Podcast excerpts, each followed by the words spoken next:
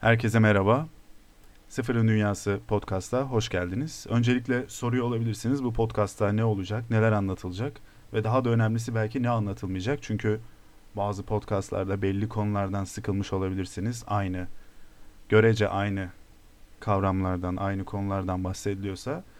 işte bu podcast'ın şöyle olmasını düşündüm.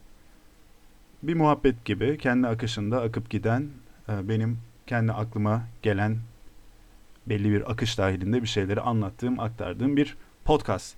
Tabi bu sırada da arada e, küçük saçmalamalar ve yan yollara sapmalar ne anlatıyorduk, niye şimdi bu konuya geldikler olursa daha keyifli olacaktır diye düşünüyorum. Peki tamam ben kimim? Ben sıfırım.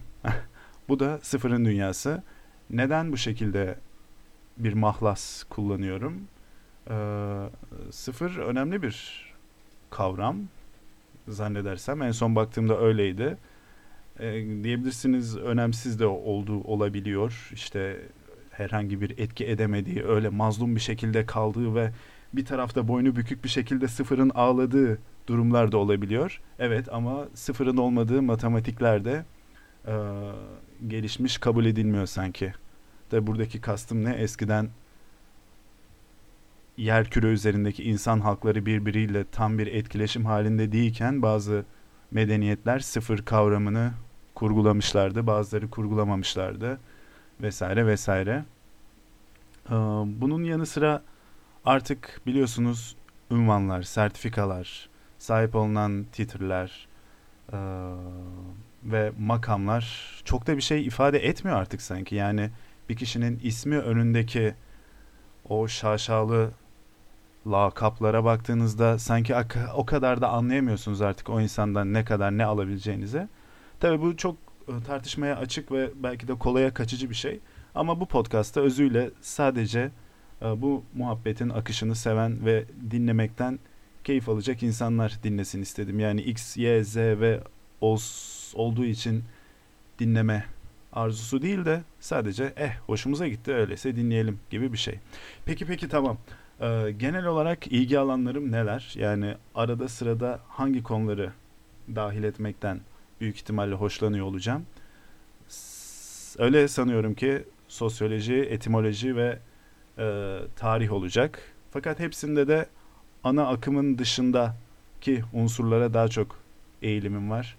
Yani etimolojiden bahsederken çok böyle artık e, insanların piyasa yapmak için bahsettiği cool etimolojilerden değil de tabii ki etimolojine köken bilim kelimelerin köklerine inerek diğer hangi kelimelerle etkileşim içerisinde olduklarını ve hangi öz aynı köke dayandıklarını bulmak sadece bir lisan içerisinde değil başka e, birbiriyle etkileşime girmiş lisanlar içerisinde e, bunu görmek. Sosyoloji zaten malumunuz e, zaten her Türk biraz sosyolog mu olmak zorunda? Öyle bir kaide mi oluştu? Bilmiyorum. Şu an alaycı mı konuşuyorum belki. Onun dışında ne dedim? Tarih dedim. Tarihte de ilgi alanımı daha çok böyle kim kimi kesti, kim kime nasıl e, zul oldu, kim kime e, nasıl kim kimi nasıl fethetti'den ziyade e, daha farklı küçük detaylar var tarihte böyle insanı şaşırtan ee, onlar daha çok ilgimi çekiyor diyebilirim. Yeri geldiği zaman zaten onlardan da bahsedeceğimiz için şimdi bu konuda çok böyle saplanmak istemiyorum. Peki siz nasılsınız? Sizin keyfiniz nasıl? Ne yapıyorsunuz şu an? Ee, bulaşık mı yıkıyorsunuz yoksa otobüste misiniz? Ee, tipik podcast dinleme halleri.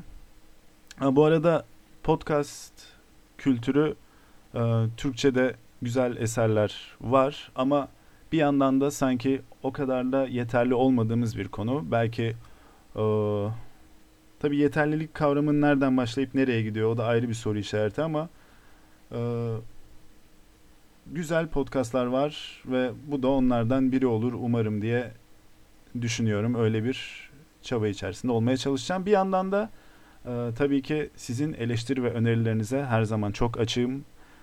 Söylediklerimi her zaman bir şekilde belli argümanlara ve e, dayanaklara isnat etmeye çalışacağım. İşte bu yüzden söylüyorum ya da şu haberi şurada gördüm, şuradan araştırabilirsiniz gibi. Fakat buna rağmen eğer yanlış bir şey söylersem yani bilgi olarak yanlış bir şey e, subjektif kavramlardan bahsetmiyorum ki onlarda bile söyleyebilirsiniz, uyarabilirsiniz. Tenkit bile edebilirsiniz. e, tabii ki bu bilgi paylaşımı çok önemli ve güzel olur.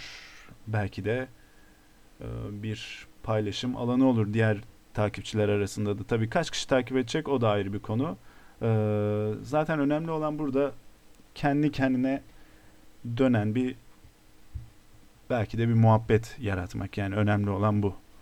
Herhangi böyle çok ulvi ve yüce maksatlar yüklemekten ziyade biliyorsunuz öyle podcastlar var işte kendilerine bir takım süper gayeler yükleyen sadece Türkçe olarak bahsetmiyorum. Var bunların örneklendirmeye çok gerek yok şimdi. Ya belli ideolojinin propaganda belli ideolojilerin propagandalarını yapmaya çalışan ya da e, belli fonlamalarla eninde sonunda bir şeylerin reklamını yapmaya başlayan falan. O yüzden onlardan bu tip şeylerden olabildiğine uzak durmaya çalışacağım. Ee, konuk almayı da tabii ki isteyeceğim ve ben sıfırsam da onları da böyle ardışık bir şekilde artan bir şekilde davet etmeyi düşünüyorum. Hani haftaya da bize iki konuk olsun veya dört üç konuk olsun, bir konuk olsun falan gibi bir şey olur umarım. Ee, kendi çevremden ve bir şekilde podcast yayılır serpilirse davet edebileceğim insanlardan. Peki hangi frekansla podcast'ı çıkarmayı düşünüyorum? Ee, sanırım böyle bir düzenli frekans olmayacak. Ben vakit buldukça ve heves ettikçe diyelim ama çok da fazla boşlamak istemem tabii ki. Sonuçta her şeyin bir, e, bir her şey bir beklenti yaratıyor ama çok da bir beklenti yaratacak bir şey de olur mu bilmiyorum. Umarım olur. Evet biraz geveledim çünkü sonuçta bu ilk bölüm bir tanışma bölümü gibi olması da beklenirdi ilk başlangıcın. Şimdi bugün neyden bahsedeceğiz? Bugün e, düşündüm ilk bölümde hmm, hangi ne üstüne durabiliriz diye. Sonra düşündüm ki neden hem biraz sosyoloji, neden hem biraz tarih ve neden hem biraz etimoloji içermesin? Ho dedim. E, tüylerim diken diken oldu, çok heyecanlandım. E, bugün hmm, biraz tanrılardan, biraz boynuzlardan ve aldatmaktan bahsedeceğiz. Peki tam olarak şu an neyden bahsediyorum? Yani boynuz, e, aldatmak, neden, ne oluyor şu an e, falan filan. Nasıl bir alakası var yani hele tanrılar nereden nasıl girecek? Evet bir şekilde girecek. Bir yandan ben kafamda anlatacaklarımı toparladım. Gel gelelim konu karışık olduğu için önüme bazı notlar da çıkarttım. Arada durup bunlara bakmam gerekirse çok sıkıcı, çok fazla durdu gibi şeyler söylemezseniz sevinirim. Neticede bu da ilk bölümü teşkil edecek değil mi?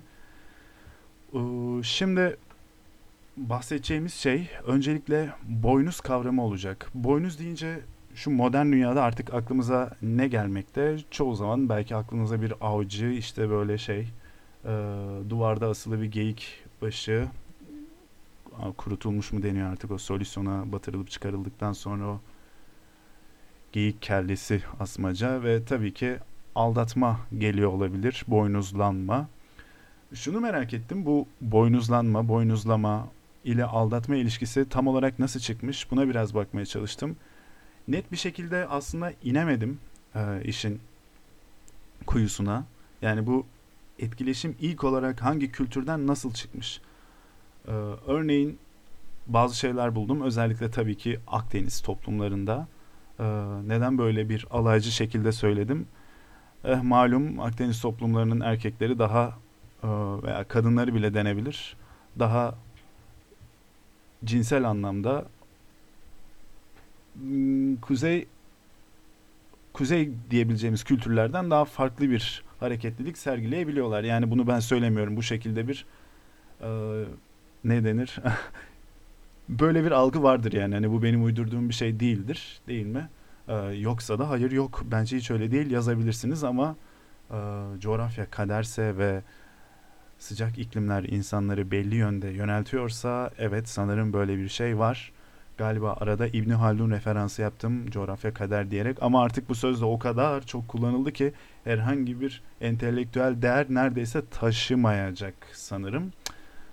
Ee, şimdi Akdeniz kültürlerinde bu bizim metal rock işareti olarak bildiğimiz hani elinizde yapabilirsiniz. Serçe parmak yukarıda, işaret parmağı yukarıda. Ortadaki iki parmak avucunuza bastırmakta ve baş parmakta onların üstüne destek yapıyor. Yani metalci işareti olarak zihnimize Türkiye'de kazınmış olan işaret. Ee, bu işaret bu Akdeniz toplumlarında kastım tabii İtalyanlar, Yunanlar, İspanyollar ve şeyleri de dahil etmişler. Yani dahilmiş. Ee, Güney Amerika'daki bazı topluluklar işte Arjantinler vesaire ki onlar da zaten malumunuz olduğu üzere İspanyol ve Portekiz kolonilerinin e, devamı olan kültürleri lanse ediyorlar bir anlamda.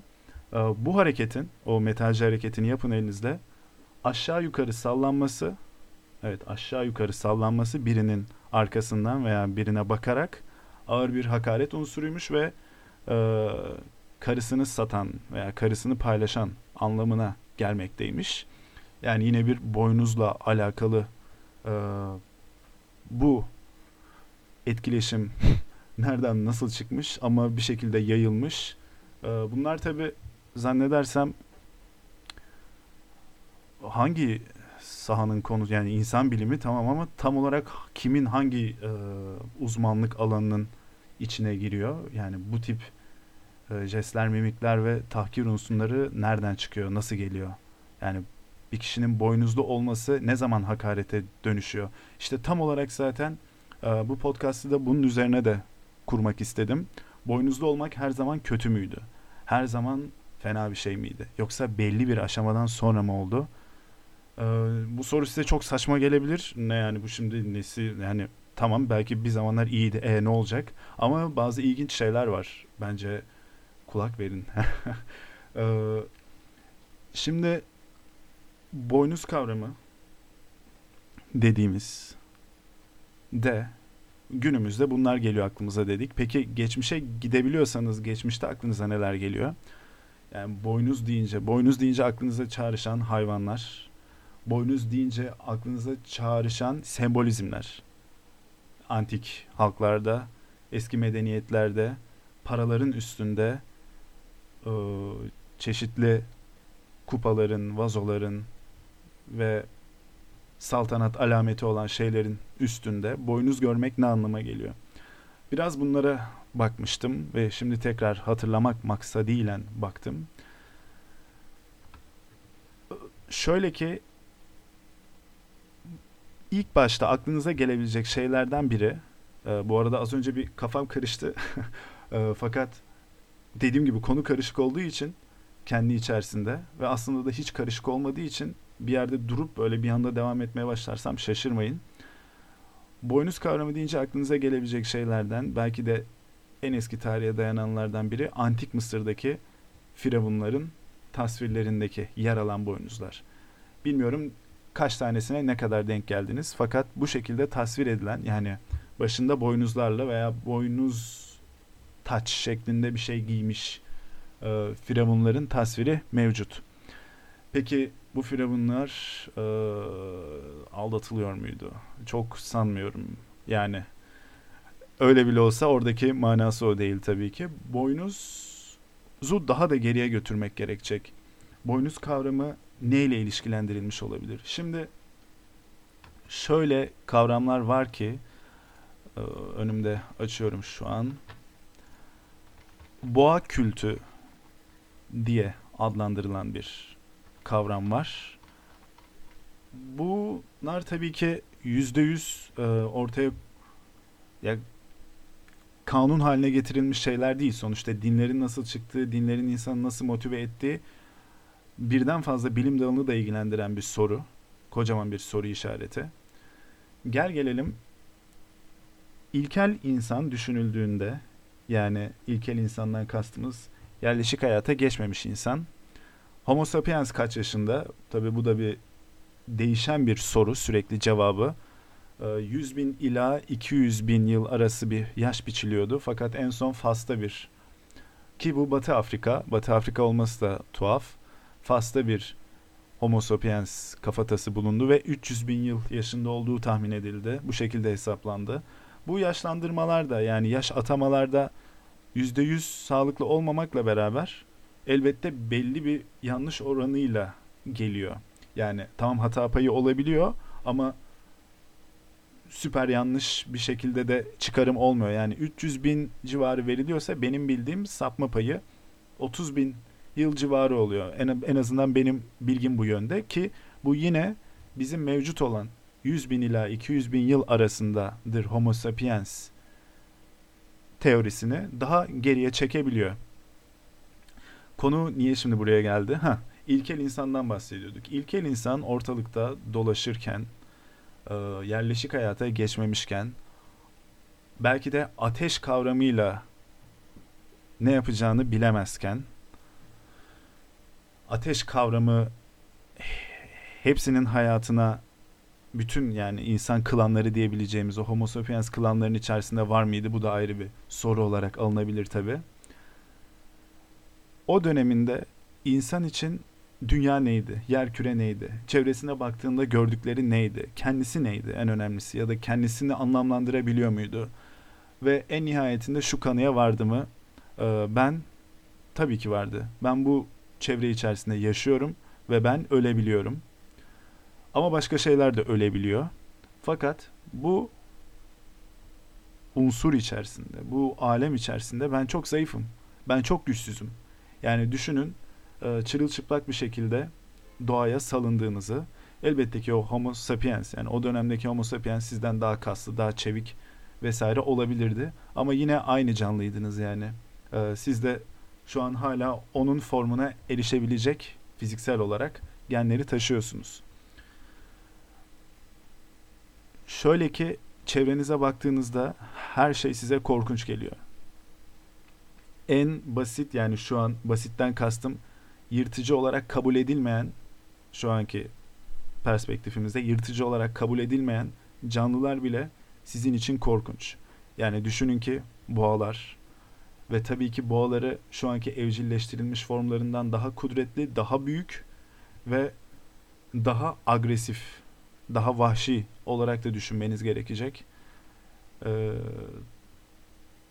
daha büyük olmaları da çok muhtemel çünkü insan avlanmasında daha büyük olanı avlama dürtüsü de var. Yani onların nesilleri örneğin şöyle örnek vereceğim.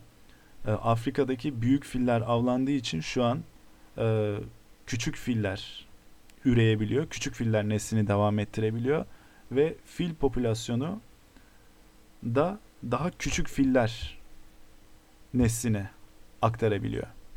Neden büyük filler öldürülüyor? Hem daha fazla et taşıdığı için hem de daha büyük dişleri olduğu için malumunuz bir fil dişi ticareti denen bir belası var fillerin. Bu ürünlerde sattığı sürece bu ürünleri tatil yerlerinden insanlar aldığı sürece veya lüks mağazalardan veya lüks olmayan mağazalardan elbette bu ticaret devam edecek. Her neyse Evet insan avlanmasının böyle bir neticesi de var. Türleri küçültmek. Yani o zamanı tasvir etmek açısından diyorum. Kocaman boğalar düşünün. Kocaman işte ve onun türdeşi sayılacak canlılar düşünün.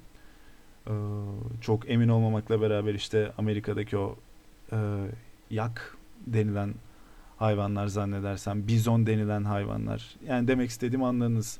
O, o cins, o öküsü hayvanlar, o boğası hayvanlardan. Ee, bunlar elbette korkunç bir görüntü olsa gerek o zaman insanlar için. Çünkü sürü halindeler, sayıca çok fazlalar. Bir yerden geçtiklerinde orayı yıkıp yok ediyorlar. Bu akıntının önünde durma şansınız asla yok. Ee, herhangi bir şekilde onları avlama şansınız yok. Elbette daha iyiken zamanlardan bahsediyorum henüz ee, düşünün yani elinizde taş var nasıl avlayacaksınız? Yontma taş zamanındasınız nasıl avlayacaksınız? Ne lazım? Büyük ihtimalle daha kurgulu planlı veya en azından demir olmasa bile metal lazım değil mi? Yoksa o hayvan sizin canınıza okur. e, en az bir iki kayıp vermeden o hayvanı indirmeniz, alaşağı etmeniz avlanma amacıyla mümkün olmaz. Burada konu şeye doğru mu yaklaşıyor? İnsanın avlanma zamanlarına yani avlanma ne zaman başladı, nereye doğru serpildi, nasıl gitti? Yani etçil olmak ne, karnivor olmak ne? Etçil olmak denince illa bu tip büyük hayvanların avlanmasının anlaşıldığı bir e, anlama biçemi var. Bu da çok yanlış aslında. Sonuçta yerdeki salyangozu alıp ağzınıza atarsanız da karnivora dönüşüyorsunuz. Veya yaralı bir fareyi bulup onu yerseniz de karnivora dönüşüyorsunuz. En azından o an için otçul beslenmeniz bile olsa. Neyse bu konular karmaşık olmakla beraber sadece karnivorluk kavramını böyle bir tahlile açmak istedim bir anlık olarak. Ee, yani avlanma dediğimiz şey illa pençelerle veya süratli bacaklarla yapılması gereken bir şey değil. Bu şekilde bir algı var galiba. Neden olduğu da zannedersem yine bazı e, bilimin belli amaçlar uğrultus, doğrultusunda, uğrultusunda diye bir şey yok. Doğrultusunda bükülmesinden kaynaklanıyor galiba. Konumuza tekrar geri dönelim. Bu insan için bu boğa ve boğamsı canlılar korkunç bir imgeydi. Ve aynı zamanda bir birlik, bir komüniteyi temsil ediyordu. Onlardan daha güçlü olan bir komüniteyi temsil ediyordu. Yani evet yırtıcı hayvanlar var. İşte kurt var. Evet aslan var. Ama bu süreci ne kadar gözlemleyebildiler? Yani aslan onlar için ne kadar güçlüydü? Sonuçta aslan dediğiniz hayvan benim bildiğim en fazla 10 e, küsür üyeyle bir klan oluşturan bir canlı. Yani siz 10 küsürlük bir aslan sürüsü görüyorsunuz. Bir tarafta ise binlerce aynı canlıdan ve o korkunç o hey o size daha heybetli gelmez miydi? Yani sayıca daha fazla olmak da eminim o ilkel insanın beyninde daha kudretli bir kavramdı. Yani hatta sayı sayma kavramının kudret ve güç ölçmekle alakalı bir mekanizma olarak geliştiği yönünde bir evrimsel e, buluntu, buluntu var. Şu işe yarıyor sayı saymak. E, biz olalım ki bir klan olduğumuzu düşünün. Dört insanız. Karşımıza bir grup daha insan çıkıyor. Dost mu olacağız, düşman mı olacağız hiç belli değil. Mimiklerimize bakıyoruz, surat ifadelerimize bakıyoruz. Ve hemen şunu düşünmek lazım. Dost olursak ne hala ama düşman olacaksak ve aramızda savaş çıkacaksa kim kazanacak? Kim kazanacak? Fiziksel özelliklerimizde benzer sayalım. Tabii ki sayıca fazla olan kazanacak eğer fiziksel özelliklerimiz de benzerse. Ve sayı sayma mekanizmasını bu şekilde. Tabii ki hayvanlar için de aynı şey geçerli. Yani bir kurt sürüsüyle bir ya da bir çıta sürüsüyle bir e, çakal sürüsü, bir sırtlan sürüsü karşılaştığında tabii ki birbirlerinin sayılarına bakıyorlar. Kim sayıca daha üstün? Genellikle yani bu şekilde denebiliyor sayı sayma olgusu için. Tekrar konumuza dönersek bu insanlar o o korkunç sayıdaki öküzlere, boğalara ve boğamsı canlılara baktığında şunu düşünmüş olabilirler. Bunlar neden bu kadar fazla? Nasıl bu kadar üremiş olabilirler? Çünkü o zamanki insanın sefaletini düşünün. Hastalıklardan kırılıyorlar. Vücutlarında kendilerini koruyacak kıllar yok. Tabii ki belli bir oranda var ama diğer hayvanlar gibi yok. Yani kara kıştan koruyacak bir kıl yapısı yok insanın. Ne kadar kıllı olursa olsun. Bunun dışında pençeleri yok. Bunun haricinde gece gören gözleri yok. Süper bir koku alma duyusu yok. Ee, bu sebeple de belli bir orana kadar bir klan oluşturabiliyor insanlar. Belli bir sayının üstündeki e, popülasyon haline geçemiyorlar. Çünkü bakmaları çok zor. Çünkü aynı lokasyonda barınacaksınız. Tamam belli bir oranda dolaşıyorsunuz. Avcı toplayıcı olarak geçiyorsunuz. Oraya buraya gidiyorsunuz ama yani yerleşik hayata geçmediğiniz sürece, tarım yapmadığınız sürece bin kişi olamazsınız aynı yerde. Bin kişi olamazsınız. Öyle bir e, doğa sizi o şekilde besleyemez yani. Böyle bir tabiat mantığı olamaz. Yani sayılarının bu şekilde fazla olması da onlar için çok büyüleyici olmuş olmalı. diye öngörülüyor.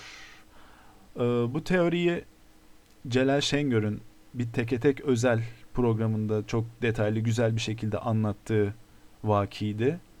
Aynen o insanın psikolojisiyle benim yapmaya çalıştığım gibi tasvir ediyordu.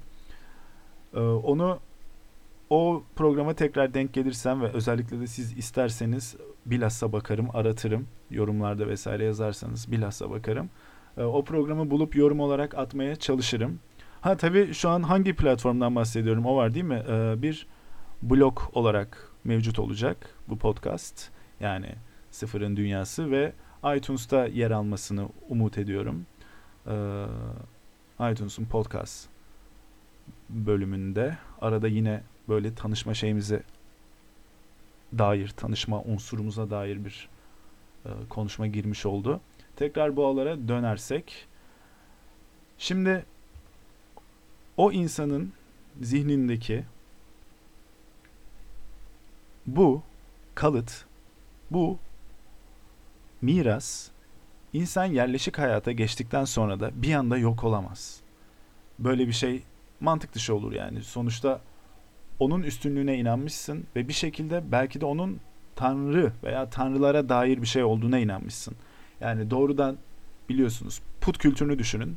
Putlar aslında tanrı mıydı? Hayır putlar tanrı değildi. Putlar tanrının tırnak içerisinde yeryüzündeki tecessümüydü. Yani bir şekilde ona dair, onun enerjisini taşıyan, onu simgeleyen, ona sembol olan bir şeydi.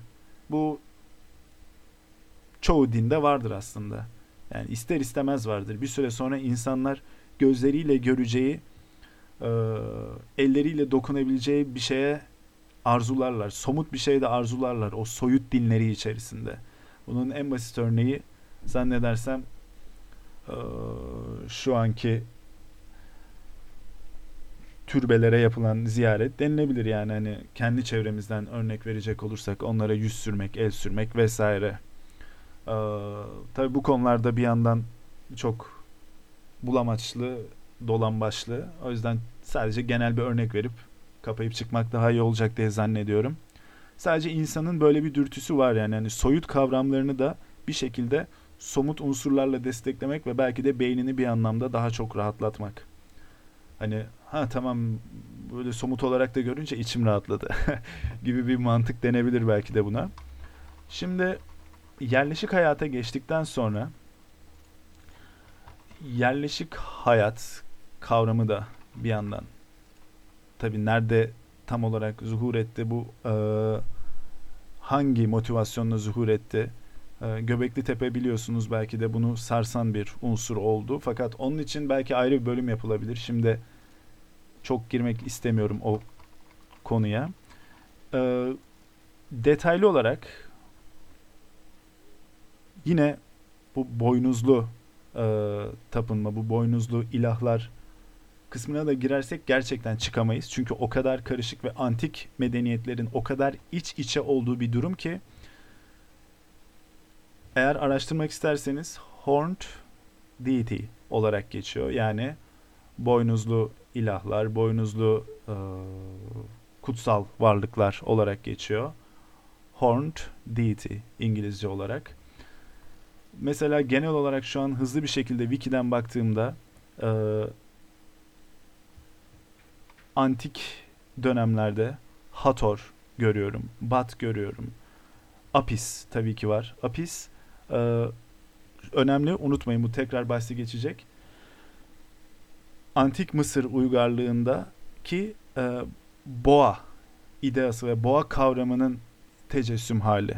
Yani dediğim gibi aslında bunlar o tanrılar, o tanrıçalar o heykelleriyle, o tasvirleriyle aslında bir ideayı, bir beklentiyi bir şekilde onların kanalize edilmiş halini gösteriyorlar. Yani yoksa antik Mısırlı da biliyordu duvara kendi elleriyle çizdiği şeyin ona yardım etmediğini. Orada bir sembolü, bir beklentiyi, bir umudu yani boğa kavramının, boğa ideasının ona getirdiği onun aklında yarattığı o havuzu oraya tasvir etmeye çalışıyordu. Ve düşünsenize o, o havuz ne kadar karmaşık bir şeydi ve bazen en karmaşık şeylere en basit şekilde cevap vermek gerektiği için oraya sadece bir inek veya bir boğa çiziyordu. Ee, şimdi Antik Mısır'dan bahsettik fakat Antik Mısır uygarlığı tabii ki çok fazla uygarlıkla etkileşim halindeydi. Ee, Anadolu tarafıyla da Grek dünyası dediğimiz tarafla da. Bu arada Grek dünyası dediğimizde tam olarak hangi coğrafyayı algılıyorsunuz? Örneğin Selanik'in o dünya içerisinde olmadığını e, biliyor muydunuz? Yani aslında Grek dünyası dediğimiz şeyin çoğunlukla Mora Yarımadası olduğunu, onun üstünün Yunan medeniyeti olarak adlandırılan o döneme, o kavrama dahil olmadığını ki zaten konu şu an biraz tarihten bir şey gelecek. Osmanlı'dan Yunanistan kavramı ile ilk bağımsızlığını kazanan o devlet Mora Yarımadası'ndaydı bildiğiniz gibi. Balkanların ve e, Selanik'in kaybı daha sonradır Osmanlı nazarında. Öyle yeri gelmişken bundan da bahsetmek istedim. Dediğim gibi bu Horn Deity'yi okursanız inanılmaz bir şekilde bu boynuzlu e, tanrı ve tanrı kral ve kral tasvirlerinin olduğunu göreceksiniz. Belli ki uzun lafın kısası bir şekilde güçle, güç sahibi olmakla ilişkilendirilmiş. Boynuz sahibi olmak. Tabi boynuz dediğimizde şimdi biraz gülünç oldu. Az önce bahsettiğimiz boynuz neydi? Şimdi bahsettiğimiz ne değil mi? O modern dünyamızda aldatılmak manasına gelen boynuz çoğunlukla geyik boynuzu olarak geçiyor malumunuz. Buradaki boynuzlar ise o daha ölümcül ve daha korkunç olan e, boğa boynuzu olarak geçen boynuzlar ve hiç de öyle küçük tasvir edilmiş değiller. Yani gerçekten bir silah gibi duruyorlar. Bir süre sonra farklı mitolojik unsurlarda bu iki boynuz arasında güneşin de tasvir edildiğini görüyorsunuz ve artık iyice e, bir şey iddiası gibi oluyor. Evren kral, işte yeryüzünün kralı, alem kral gibi bir şey. Tabii ki o insanların alem ve evren kavramı neydi? Bu çok büyük bir soru işareti olduğu için e, onların zihninde yani yoksa elimizde tabii ki bulgular var. Evreni nasıl düşünüyorlardı, e, dünyayı nasıl düşünüyorlardı. Fakat hani sizin anladığınız, bizim anladığımız evrenden farklıydı manasında diyorum. Tekrar şuraya gelirsek ilk başta boynuz taşımamasına rağmen sonra boynuz yakıştırılmış tanrı ve tanrıçalar olduğu gibi daha sonra veya önce mi yani tam olarak nerede başladı bu boynuzun güç kudretle ilişkilendirilmesi insanların tasvirinde sorusunu soracaksak Kenaniler denilen yani milattan önce 2000. E, 2000 bin yıl 2 bin yıl. Milattan önce 2000. bin yıl. Evet. Bir an söyleyemedim. Bir an kafam karıştı.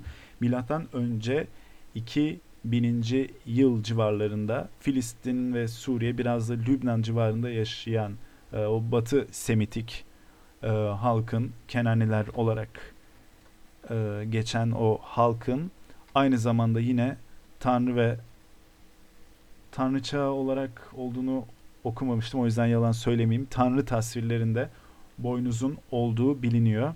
Ve daha sonra işte Fenike ve Kartaca tanrısına dönüşecek olan Baal, Baal Hamon'un da aynı şekilde boynuzlu olduğunu biliyorsunuz. Ve bu Baal Hamon daha sonra e, kutsal semavi din metinlerinde geçmeye başlıyor. İncil'de ve Tevrat'ta geçiyor zannedersem.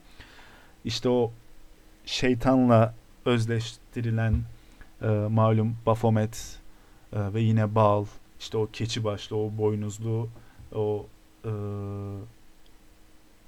malum şeytanla özleştirilen yıldız e, pentagram bir eli yukarıda bir eli aşağıda bir şekilde duran o yaratık işte bu tanrı olabilirdi. Çünkü şöyle bir fenomen var biliyorsunuzdur.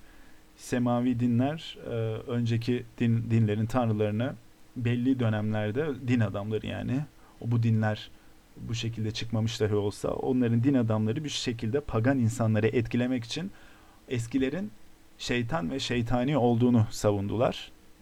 İşte bunun örneklerinden bir tanesi şeytan deyince yine Lucifer deyince insanların aklına elinde üç çatallı bir mızrak tuttuğu da gelir. O aslında e, Yunan deniz tanrısı Poseidon'un e, üç dişli e, mızrağıdır. Fakat o dönüşüm sırasında o da ondan nasibini almış. Ha demişler ya bu böyle bir şeyi şeytan tutar yahu falan demişler. Ee, ve düşünün aynen boynuz kavramı gibi önceden olumlu bir şeyken sonradan yine olumsuz bir şeye dönüyor yani şeytanla özleştiriliyor. Ha tabii şöyle bir şey de var. Eskilerin e, tanrı kavramı aslında şu anki iyi ve iyi tanrı ve kötü e, şeytandan belki biraz daha hmm, kendi içerisinde çelişik. Bilmiyorum bu doğru bir tabir oldu mu ama tenakuz var diyebiliriz. Yani iyi tanrı nedir? Sonuçta Zeus'un yaptığı bir sürü kötülük var. Poseidon'un yaptığı bir sürü kötülük var. Kötü tanrıların da yaptığı ara sıra iyilikler var. Onlar da anlamıyor bazen niye öyle yaptıklarını vesaire. Ee, daha kendi içerisinde tenakuzlu ve daha belki de belki de aslında kompleks bir yapı. Yani mutlak iyi ve mutlak kötünün olmadığını bir şekilde aktaran bir e, yapı. E, ama semavi dinlerde de işte bunlar belki kabalizm, işte tasavvuf ve e, daha egzotik e, Hristiyan unsurlarla bir şekilde devam etmiş olabilir. Bir şekilde devam etmiş olabilir. Yani neyse bunlar yine e, dini konulara giriyor ama ister istemez mitolojiden ve eski dinlerden bahsederken bir şekilde e, bir yerlerde de kıyas yapıyorsunuz. Şu şunla benzeşiyor olabilir mi e, gibi. Örneğin işte şu anki şeytan tasvirinde o elinde üç çatallı mızrak tutan şeytan tasvirinde paganların tanrı tasvirlerinden birinin etkili olduğundan bahsettik. Yani bir şekilde etkilemiş. Bunlar gerçek vakalar. Ee, daha sonra Antik Mısır'dan yine bir şekilde dönüyoruz ister istemez. Çünkü Antik Mısır uygarlığı gayet uzun süreli bir uygarlıktı. Bu sebeple birden fazla kültürü çevresindeki etkiledi. E, bu yüzden önemliler. E, yani Mısır kültürü sabit bir şey de değil aslında. Dönem içerisinde gelen farklı halklarla, farklı unsurlarla tanrıları, tanrıça tasvirleri kafalarında değişikliğe uğruyor daha önceden olmaz dedikleri şeye olur diyorlar. İşte e, bazı tanrılarla sadece firavunların kimliği özleştirilirken sonradan bütün Mısırlılarla özleştirilebilir gibi e, yerlere geliyorlar. Bir şekilde dinde reform oluyor. Hatta bir ara e, bir firavunları var çıkıp bizim bütün mitolojimizi atıyorum ben çöpe. Aslında tek bir tanrı var diyor. O da ilginç bir dönem aslında. Ee, hatta o Firavun için şey iddiası da var. Ee, belki de Musa ile aynı dönemde yaşadı ve acaba hangisi ilk önce bu tek tanrı fikriyle geldi? Çünkü baktığınız zaman tek tanrı fikri çok marjinal ve mutlakiyetçi bir şey. Antik dönemden bahsediyorum. Antik dönemdeki insanların perspektifinden bahsediyorum. Yani neden tek tanrı olsun ki gibi bir soru var onların aklında ve şunu tekrar hatırlayın. O insanın beyninde sayıca üstün görmek o kavramı daha da güçlendiriyor. Yani şöyle bir algısı yok. Tek başına, tek kişi ise, tek bir unsursa çok daha kuvvetlidir. Hayır, tam tersine şöyle bakıyor. Sayıca daha fazla olduğuna göre bir şekilde daha daha güçlü, daha kudretliler ki bu sayıya ulaşabilmişler. İşte bunlar hep bir şekilde hmm, düşünce besini aslında değil mi? Ee, Mesela şeye gelelim, Zeus'a gelelim. Zeus deyince aklınıza hiç öyle boynuzlu bir şey gelmiyor muhtemelen. Gayet böyle insan, e, teşbihte hata olacaksa kusura bakmayın, Fedon'a benzeyen bir kaslı falan böyle bir tanrı geliyor değil mi? E, fakat Zeus'un da bazı durumlarda boğaya dönüştüğü vaki. Neden boğaya dönüşüyor? Gerçi yanlış hatırlamıyorsam kuğuya da dönüşüyordu da hani illa öyle kudret vesaire taşıması gerekmiyor. Ama hepsinin bir sembolizmi var. Kuğu'da baktığınızda çok zarafet sahibi. E, boğanın da elbette neleri temsil ettiği düşünülebilir. E, güç, kudret, erkeklik, e, üreme ne diyelim üreme sevki evet. E, zaten o hikayede biliyorsunuz Haliç ve Avrupa ile ilişkili e, bir kadınla beraber olmak için boğa formunu alıyor. Bunun dışında tabi Minos uygarlığı var. E, Girit'teki kültür var. Yine bu boğa boynuzlu olma tasvirini yücelten. E, keza Afrika'da da bu şekilde tanrılar işte odunlardan o gözünüzün önüne geliyor değil mi o şeyler putlar ee, o Afrika'daki kabilenin ortasına dikilmiş olan o tahta sütunun üstünde boynuz da vardır. Ee, onun haricinde dediğim gibi bu boynuzluluk halinden ahitte de bahsediliyor. Yani eski ahit ve yeni ahitte de bahsediliyor. İncil'de de geçiyor. Fakat en nihayetinde bu bu kitaplarda bu perspektifte şeytani bir unsura dönüşmüş. Bunu tekrar edelim. Tekrar önümdeki notlara bakıyorum. Daha anlatacağım, anlatmak istediğim şeyler var. Asla bitmiş değil konu. Şimdi sadece antik Mısır'la ilgili değil, araştırmak istiyorsanız eski Akat, Asur ve Babil tanrılarının da başlarında boğa boynuzlu taçlar, başlıklar, e, tuğlar yani tuğdan kastım miğferler görebiliyorsunuz. Bir şekilde tamam anladık. Güçlü, kudretli ve belki de sayıca nicelik olarak ve aynı zamanda nitelik ol, olarak üstün olmakla özleştirilmiş. Şimdi bunun haricinde dedik ki bu kavram e, dini metinlerde de geçiyor. Şimdi eski ahitte yani Tevrat zannedersem Tanah evet. Ta evet evet evet şu an baktım. Exodus 32 4'te anlatılan bir hikaye var. Yani çıkış 32 4. Biliyorsunuz onlar için çıkış e, Mısır'ı terk edip Firavun'un zulmünden yani o şekildedir onların bakış açısı. Kaçıp e, kendi vaat edilmiş topraklarını aramaktır. Şöyle ki şeyi terk ediyorlar. Mısır'ı terk ediyorlar. İşte Sina Dağı'nın yanına geliyorlar. Musa malumunuz dağa çıkıyor. İbrani anlatısına göre, Yahudi anlatısına göre ve e, Tanrı'dan, kendi Tanrısından 10 emiri alıyor. Fakat bu süreç içerisinde yani bu dağda inzivaya çekilip bu kutsal vahye ulaşma sürecinde kendi bu anlatı içerisinde İsrailoğulları arasında bir huzursuzlanma oluyor. Yani nereye gitti bu şimdi? Ne oldu? Biz böyle Mısır'ı terk ettik ama ne olacak bizim sonumuz? Ee, buna yapmamıza gerek var mıydı? İşte iyi kötü yaşıyorduk Mısır'da. Ondan sonra hani vaat edilmiş topraklar nerede? Çölün ortasında kaldık. Ee, daha sonra Harun diye geçen kişi bu e, kutsal metin içerisinde geçen kişi yani biblical person olarak geçen bir anda çeviremedim kafamda. Ee, bu kişi bir buzağı yapıyor ve bu buzağı da yaparken İsrailoğullarından bir anlatıya göre isteğiyle yapıyor bir anlatıya göre onu zorluyorlar. Kendisi bir zanaatkar. Sen bize böyle bir şey yap. Ee, bu Musa'nın tanrısıyla işimiz yaş. Ee, bizim gözle görüp tapacağımız bir şeye ihtiyacımız var. Bir suna bir şeylere sunma ihtiyacımız var diyor. Yani yoksa biz çölün ortasında kaldık diyor. Gayet anlaşılabilir bir psikoloji. Çünkü çok marjinal bir fikir. Bir adam görülmeyen bir varlığa e, ve hiçbir e, somutlaştırılma unsuru taşımayan bir varlığa e, ibadet edileceğini iddia ediyor. Fakat çölün ortasında kalmışlar. E tabii ki oradan birkaç insan çıkıp şey diyecek.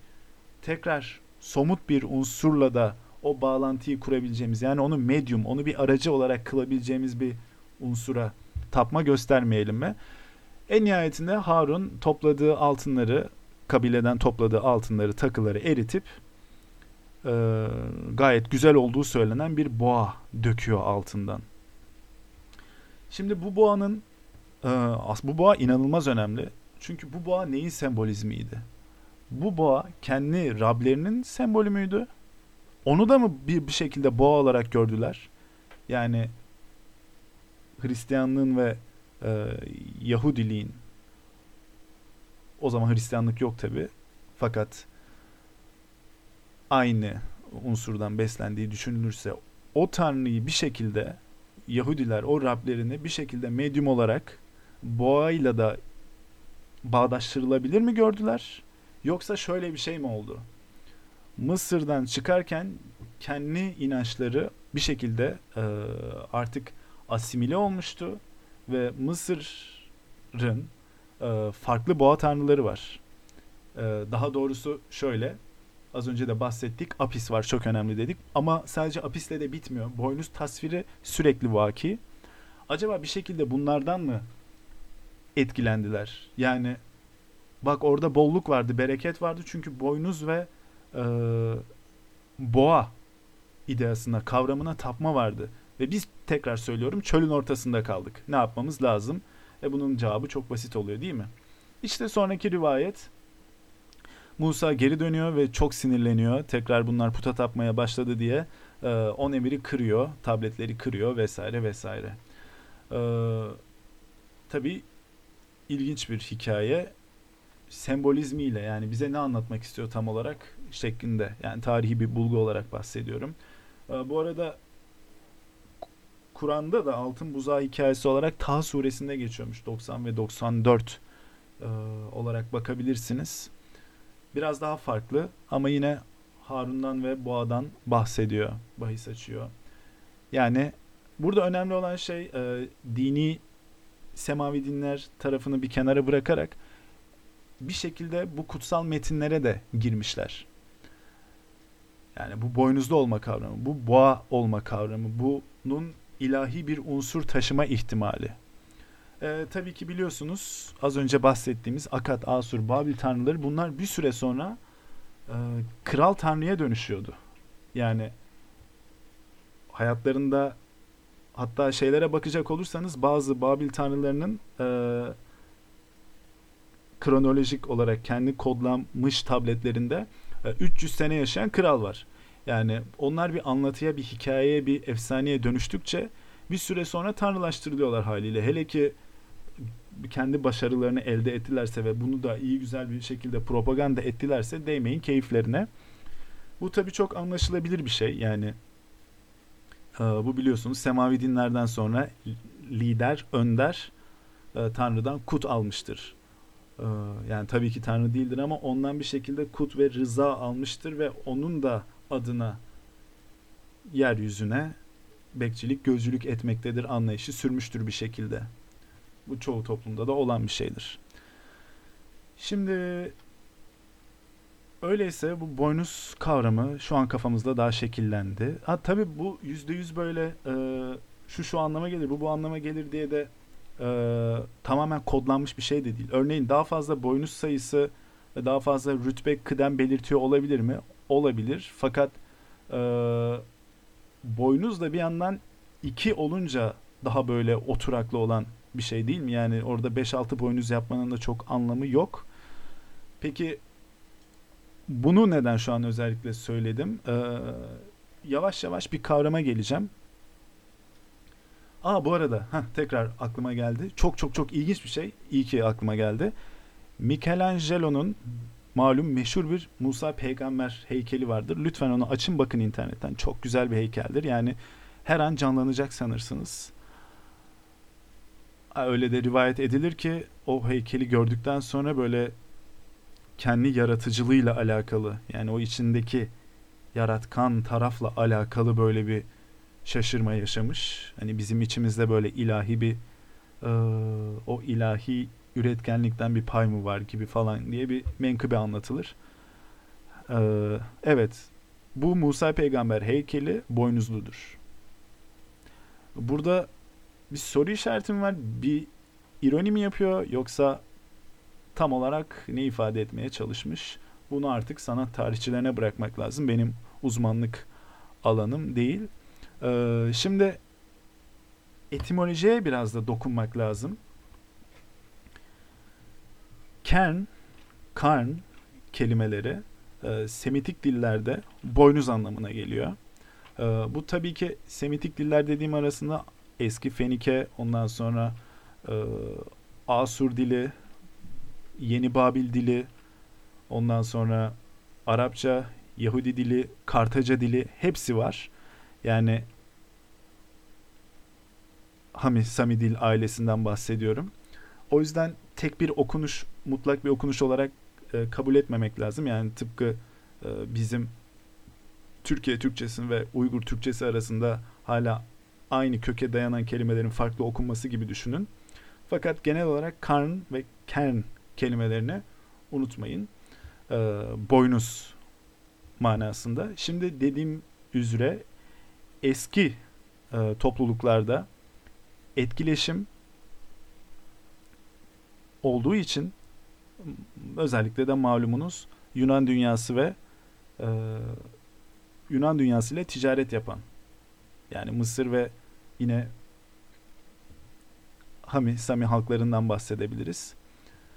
Bir şekilde etimolojik olarak birbirlerine e, etkileşim yaşamış olabilirler ve İngilizce'deki horn e, malum bir Hint Avrupa dili bir şekilde oraya kadar gitmiş olabilir. Horn kelimesi ve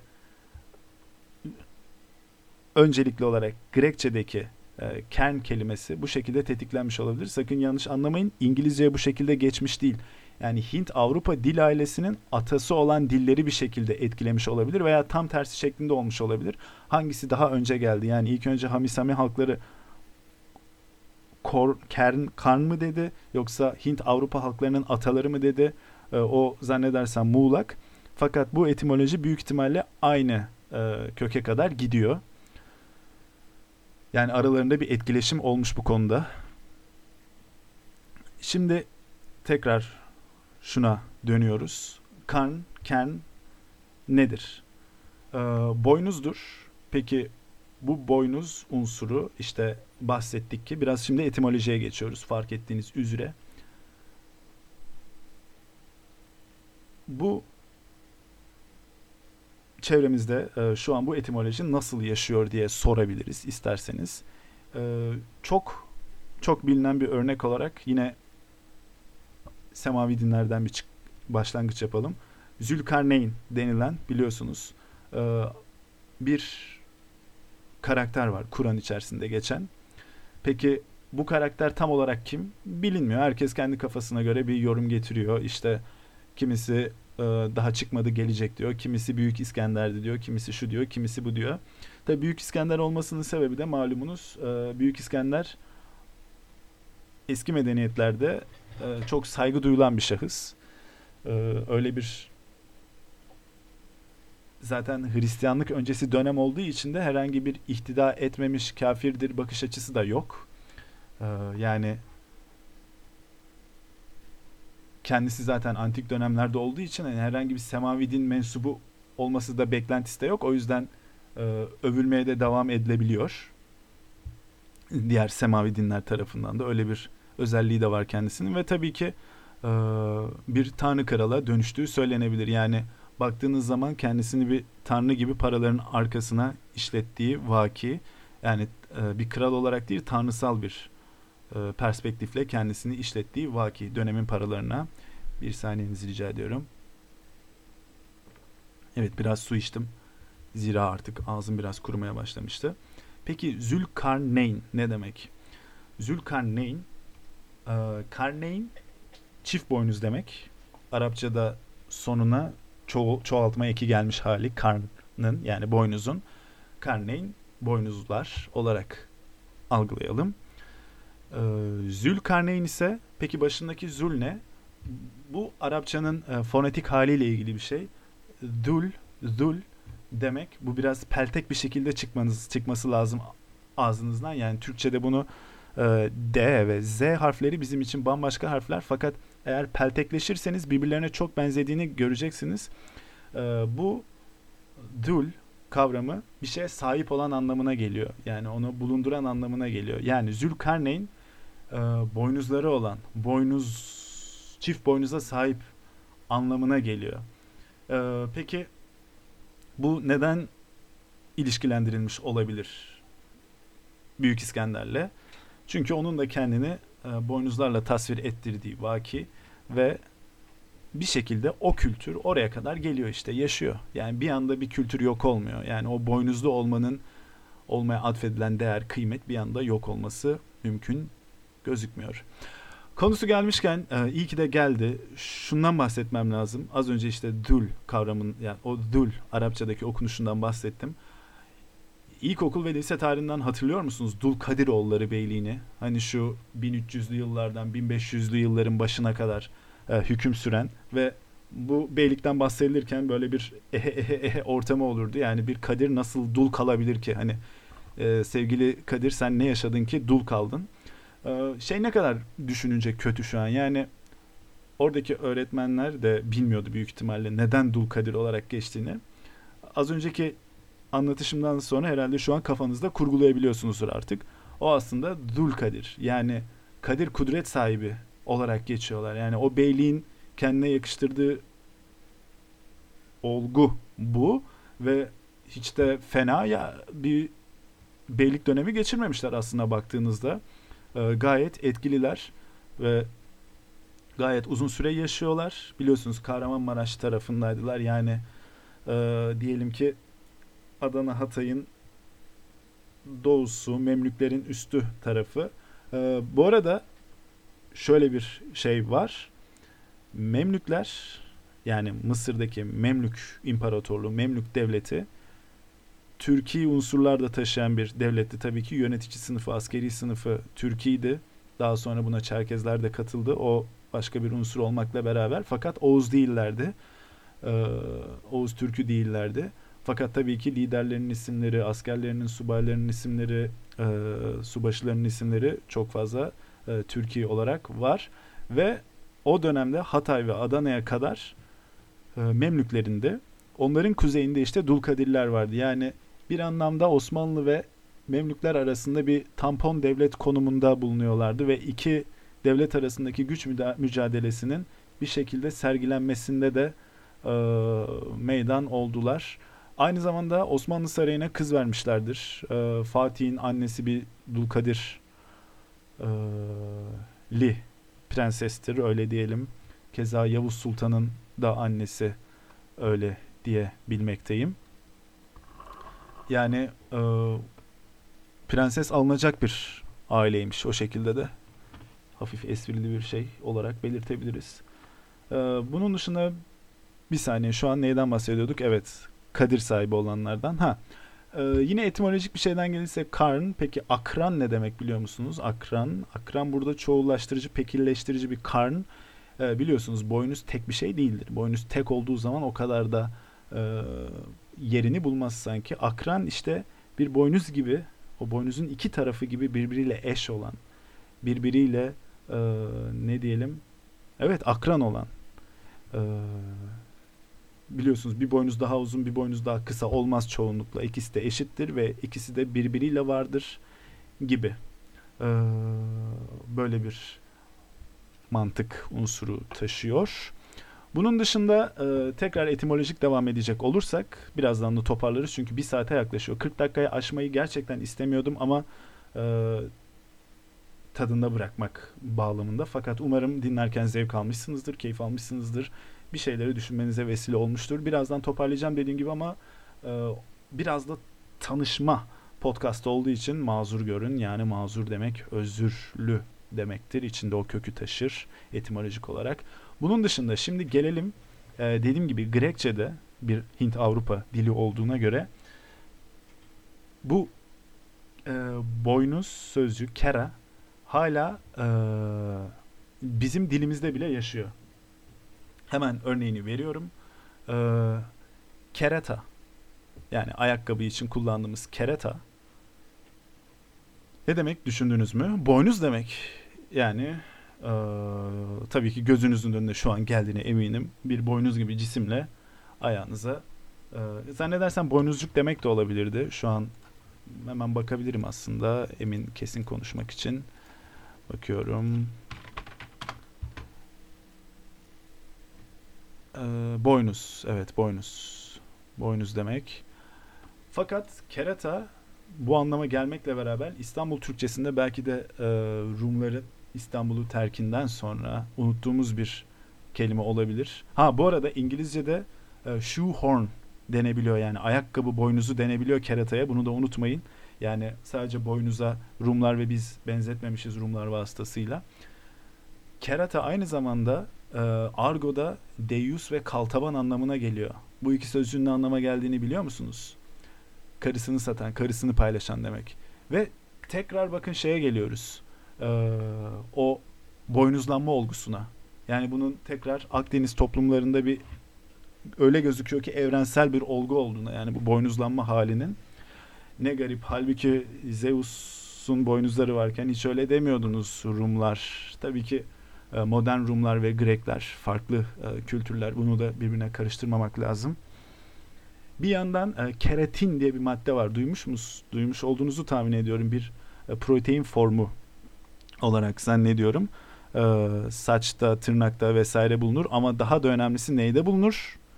Ding ding evet bildiniz boynuzlarda hayvanların boynuzları çoğunlukla keratin maddesinden müteşekkildir ve haliyle boynuz ham maddesi anlamına gelir. Keratin, ker, kerata, keratin, e, karn e, bir şekilde işte etimolojik. Dediğim gibi bu etimolojik etkileşimi sakın şey düşünmeyin. Araplardan işte şeye geçti falan gibi. Hayır. Proto Hint Avrupa diliyle Hint Avrupa dillerinin atası olan o dille Hamis-Sami dil grubunun atası olan dil milattan önce hangi zaman olmadığımız bir zaman diliminde bu kökü paylaşmış olabilirler. Mümkün. Mümkün. Ee, bir yandan evet bunları bahsettik. Başka? Aa tamam süper bir örnek daha var. Ee, peki korna desem. Evet araçlarımızda veya bisikletlerde kullandığımız korna da boynuz kelimesinden geliyor desem şöyle bakarsınız değil mi? Ne alaka ya falan diye ama hemen söylüyorum.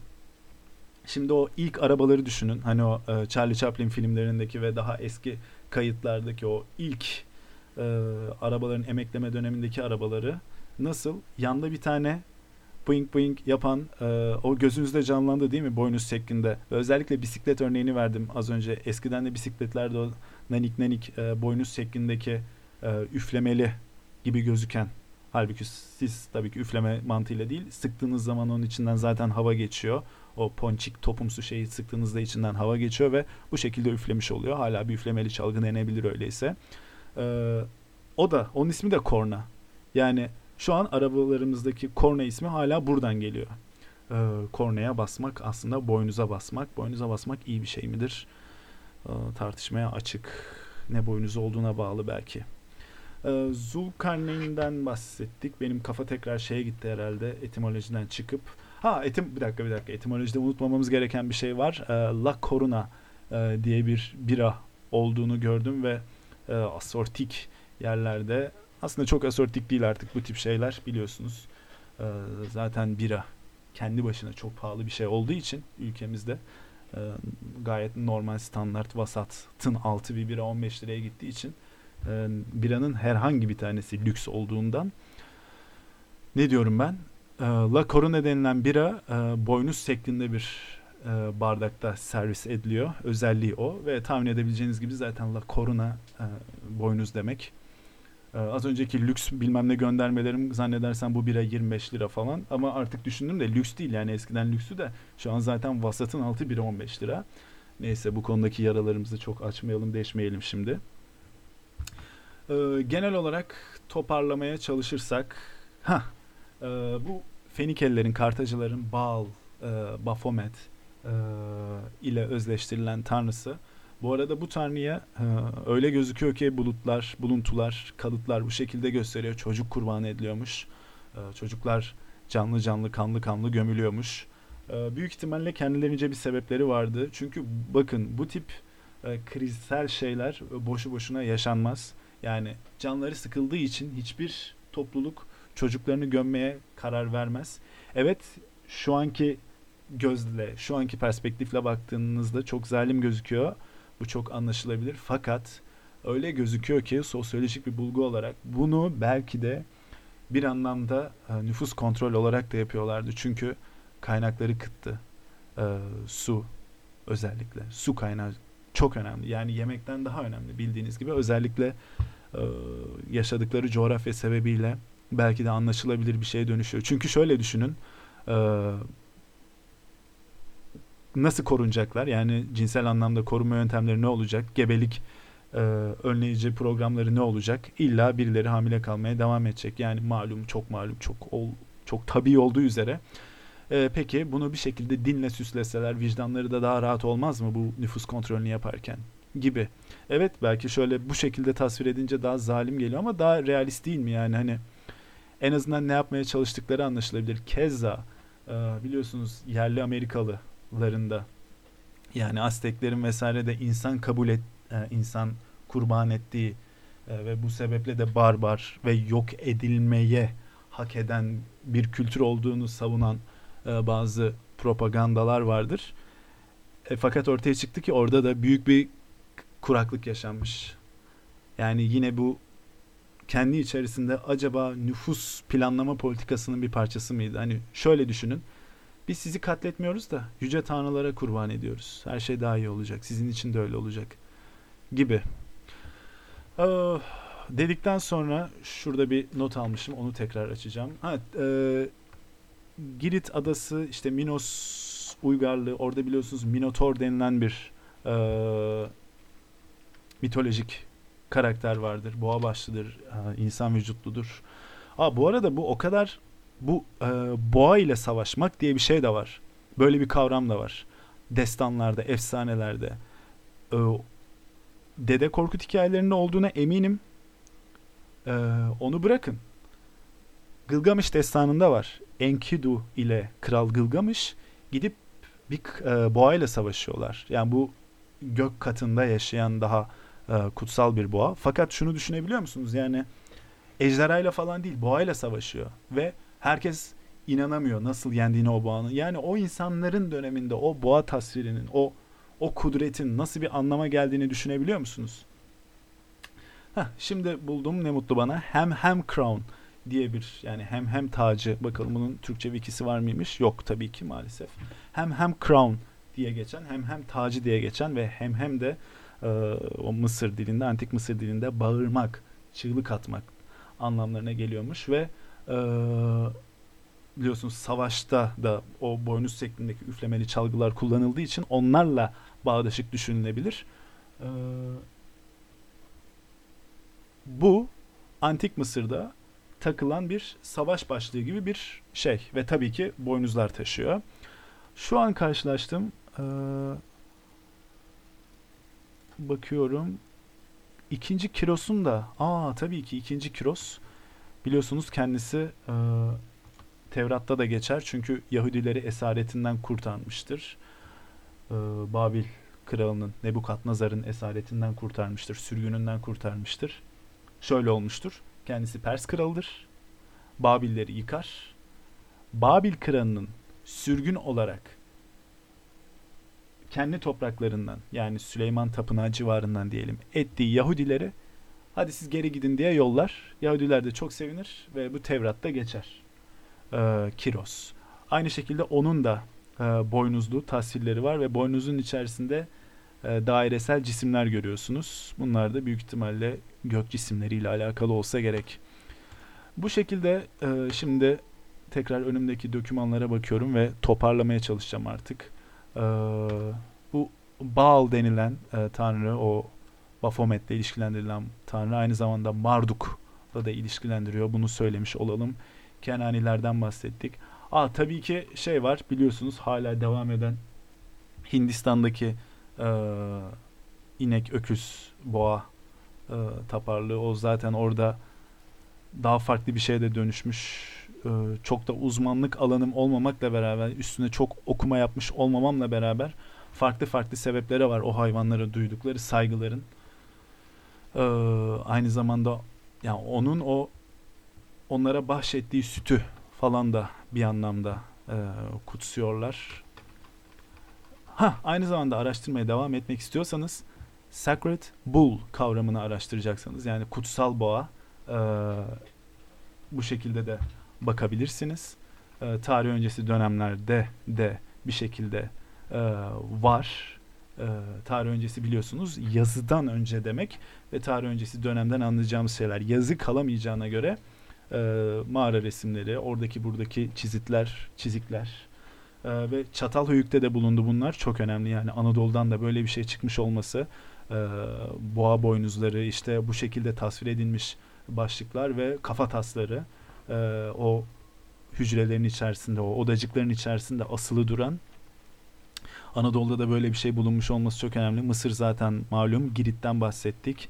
E, Levanten bölgede zaten yani Filistin, Suriye bölgesinde de malum Antik Yunanistan'da olduğunda bahsettik. Keltlerde de varmış yani İskoçların atalarında diyebiliriz. Bunun dışında bakıyorum şu an tekrar notlarıma illaveten söyleyeceğimiz bir şey. Aa tamam mükemmel bir şey daha var. Ee, şimdi alfabe e, biliyorsunuz alfa B. O alfa e, Grek alfabesinin ilk harfi. İşte alfa beta olarak gidiyor biliyorsunuz. E, alfa beta gamma delta e, bu şekilde gidiyor. E, peki bu alfa nereden geliyor? Bu alfa Fenike alfabesinden geliyor. Grekler oradan etkilenmiş ve Fenike alfabesindeki ve İbranice'deki ilk harf olan Alef'ten geliyor. Tanıdık geldi mi? Evet evet geliyor hadi. Evet Elif. Elif. Ee, Arapçada Elif'e dönüşen Fenike ve İbranice'de Alef'e dönüşen ve Grekçe'de Alfa'ya dönüşen ve günümüzde alfabe dediğimiz o içindeki alfayı barındıran nereden geliyor biliyor musunuz? Ee, öküzden geliyor. Evet, evet, evet, evet. Öküzden geliyor. Çünkü şöyle ki Fenike alfabesinin ilk harfi e, öküz. İlk harfi böyle söyleyince komik oldu gerçi değil mi? Şimdi şunu anlamamız lazım öncelikle. Alfabeler nasıl çıktı? Nasıl meydana geldiler? Çok da uzatmamak lazım. İlk başta öyle sanılıyor ki bir şeyleri sembolize ediyorlardı. Ondan sonra fonetikleştiler. Yani bizim kullandığımız alfabeler bildiğiniz üzere fonetik. Biz bir harfe baktığımız zaman bir ses çıkarırız. Bir kavram değil bir ses çıkarırız. Yani A harfi A harfidir artık. Herhangi bir hayvanı simgelemez. Fakat ilk çıkışında ilk çıkışında bu hayvanı sembolize ettiği biliniyor. Bunu nereden almış olabilirler? Ee, belki hierogliflerden. Biliyorsunuz ha, mesela çok iyi bir örnek. Hieroglifler, e, Kore, Japon yazısı, Çin yazısı bunlar fonetik alfabe değildir. Burada harflere bakarsınız, kelimelere bakarsınız, kavramlar görüş, görünür ve farklı kontekstlerde farklı anlamlara gelebilir. Ee, Türkler öyle gözüküyor ki hep fonetik alfabe kullanmışlar yani Göktürk alfabesi, Arap alfabesi, Latin alfabesi e, hepsi bunların fonetik alfabedir. Fakat dediğim gibi fonetik alfabelerin öyle gözüküyor ki ataları tabii ki bu sembollerle yazılan alfabeler olabilirler ve e, yine Wiki'den bakabilirsiniz. Bu alef, elif denilen ve Semitik e, ebcedin ilk harfi olan e, bu harf şöyle ki Fenikelilerde yine boynuzlu bir e, yukarıdan gözüken bir öküz görünümünde ve protosineetik yani e, ön Semitik dil olarak bakıldığında da e, basbaya bir boğa, öküz şeklinde tasvir edilmiş. E, ve hierogliflerde de öyle gözüküyor ki e, bunu etkilemiş olabilirler. Bunu etkilemiş olabilirler. Bu arada ilginç bir şeyden bahsediyor burada Wiki. Ee, şimdiki modern standart Arapçada elif artık e, evcilleştirilmiş, aşina, tanıdık anlamlarına geliyormuş. Ee, burada tabi o başlangıçta korkunç ve vahşi olan boğa hayvanının nasıl insan elinde başka bir canlıya ve evcilleşmişliği ve yakınlığı, aşinalığı temsil eden öküze dönüşümünü gözlemlemek lazım. Böyle öküz öküz dedikçe ben bilmiyorum komik geliyor ama bu bir olgu yani. Ee, bunun dışında çok daha komik bir şey var. Şimdi bu alefin bu a, yani alfanın aslında öküz anlamına geldiğini anladınız değil mi? Ve e, önde olan, önder olan, alfabenin başında olan olarak da kullanılmış ve bu şekilde e, bir öncü anlamı da kazanmış. Alfa'nın o diğer anlamı da işte oradan geliyor. Hani o alfa erkek denilen şey var ya e, öncü erkek, lider erkek. Yani alfabenin ilk harfi olduğu için. O da niye? E, işte o alefe yüklenen anlam yüzünden, öküze yüklenen anlam yüzünden. Çok önemliydi yani. Belki e, yazıyı tetikleyen unsurlardan bir tanesiydi. Onların kaydını tutmak, şusunu busunu yapmak. E, yani düşünün ki antik Mısır'da şey kültleri var. Kültleri var. Belli tapınakların içerisinde seçtikleri e, öküzleri, boğaları koyuyorlar. Tabii bunlar çok güzel, e, estetik olarak güzel ve özenle seçilmiş e, olanları ve onları hayatı boyun hayatları boyunca bakıyorlar. Böyle kültler, böyle e, unsurlar da var.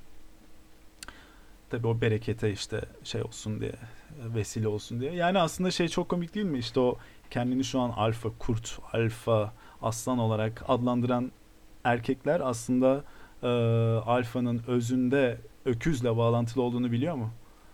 E, çok büyük bir gönderme mi yaptım? Yerine ulaşacak mı acaba? E, kapalı kapılar açılsın artık. Her neyse çok fazla e, bu konunun içerisine giyinmeyelim şimdi. E, neden bahsettik? E, Tevrat'taki Harun hikayesinden bahsettik. İlahlar adına boğa yapılabildiğinden.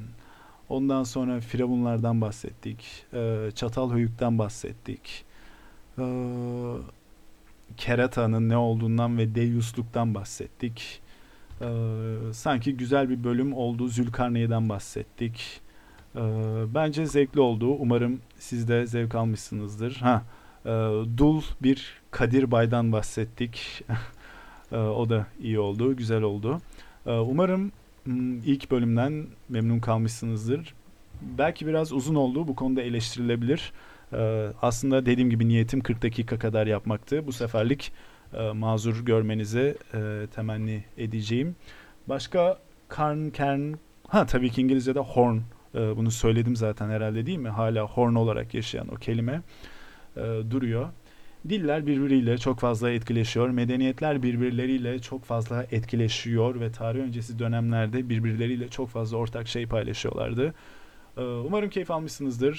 Ee, son olarak da aklıma geldi. Ee, Grek tanrılarından şarap tanrısı Dionysus da e, boynuzu tasvir edilir. Bunu da belirtmiş olayım. Yani çok fazla şarap e, yanlış içilirse boynuz... E, evet neyse susuyorum. Kendinize çok iyi bakın. Bir sonraki bölümde umarım görüşmek üzere. Elveda şimdilik.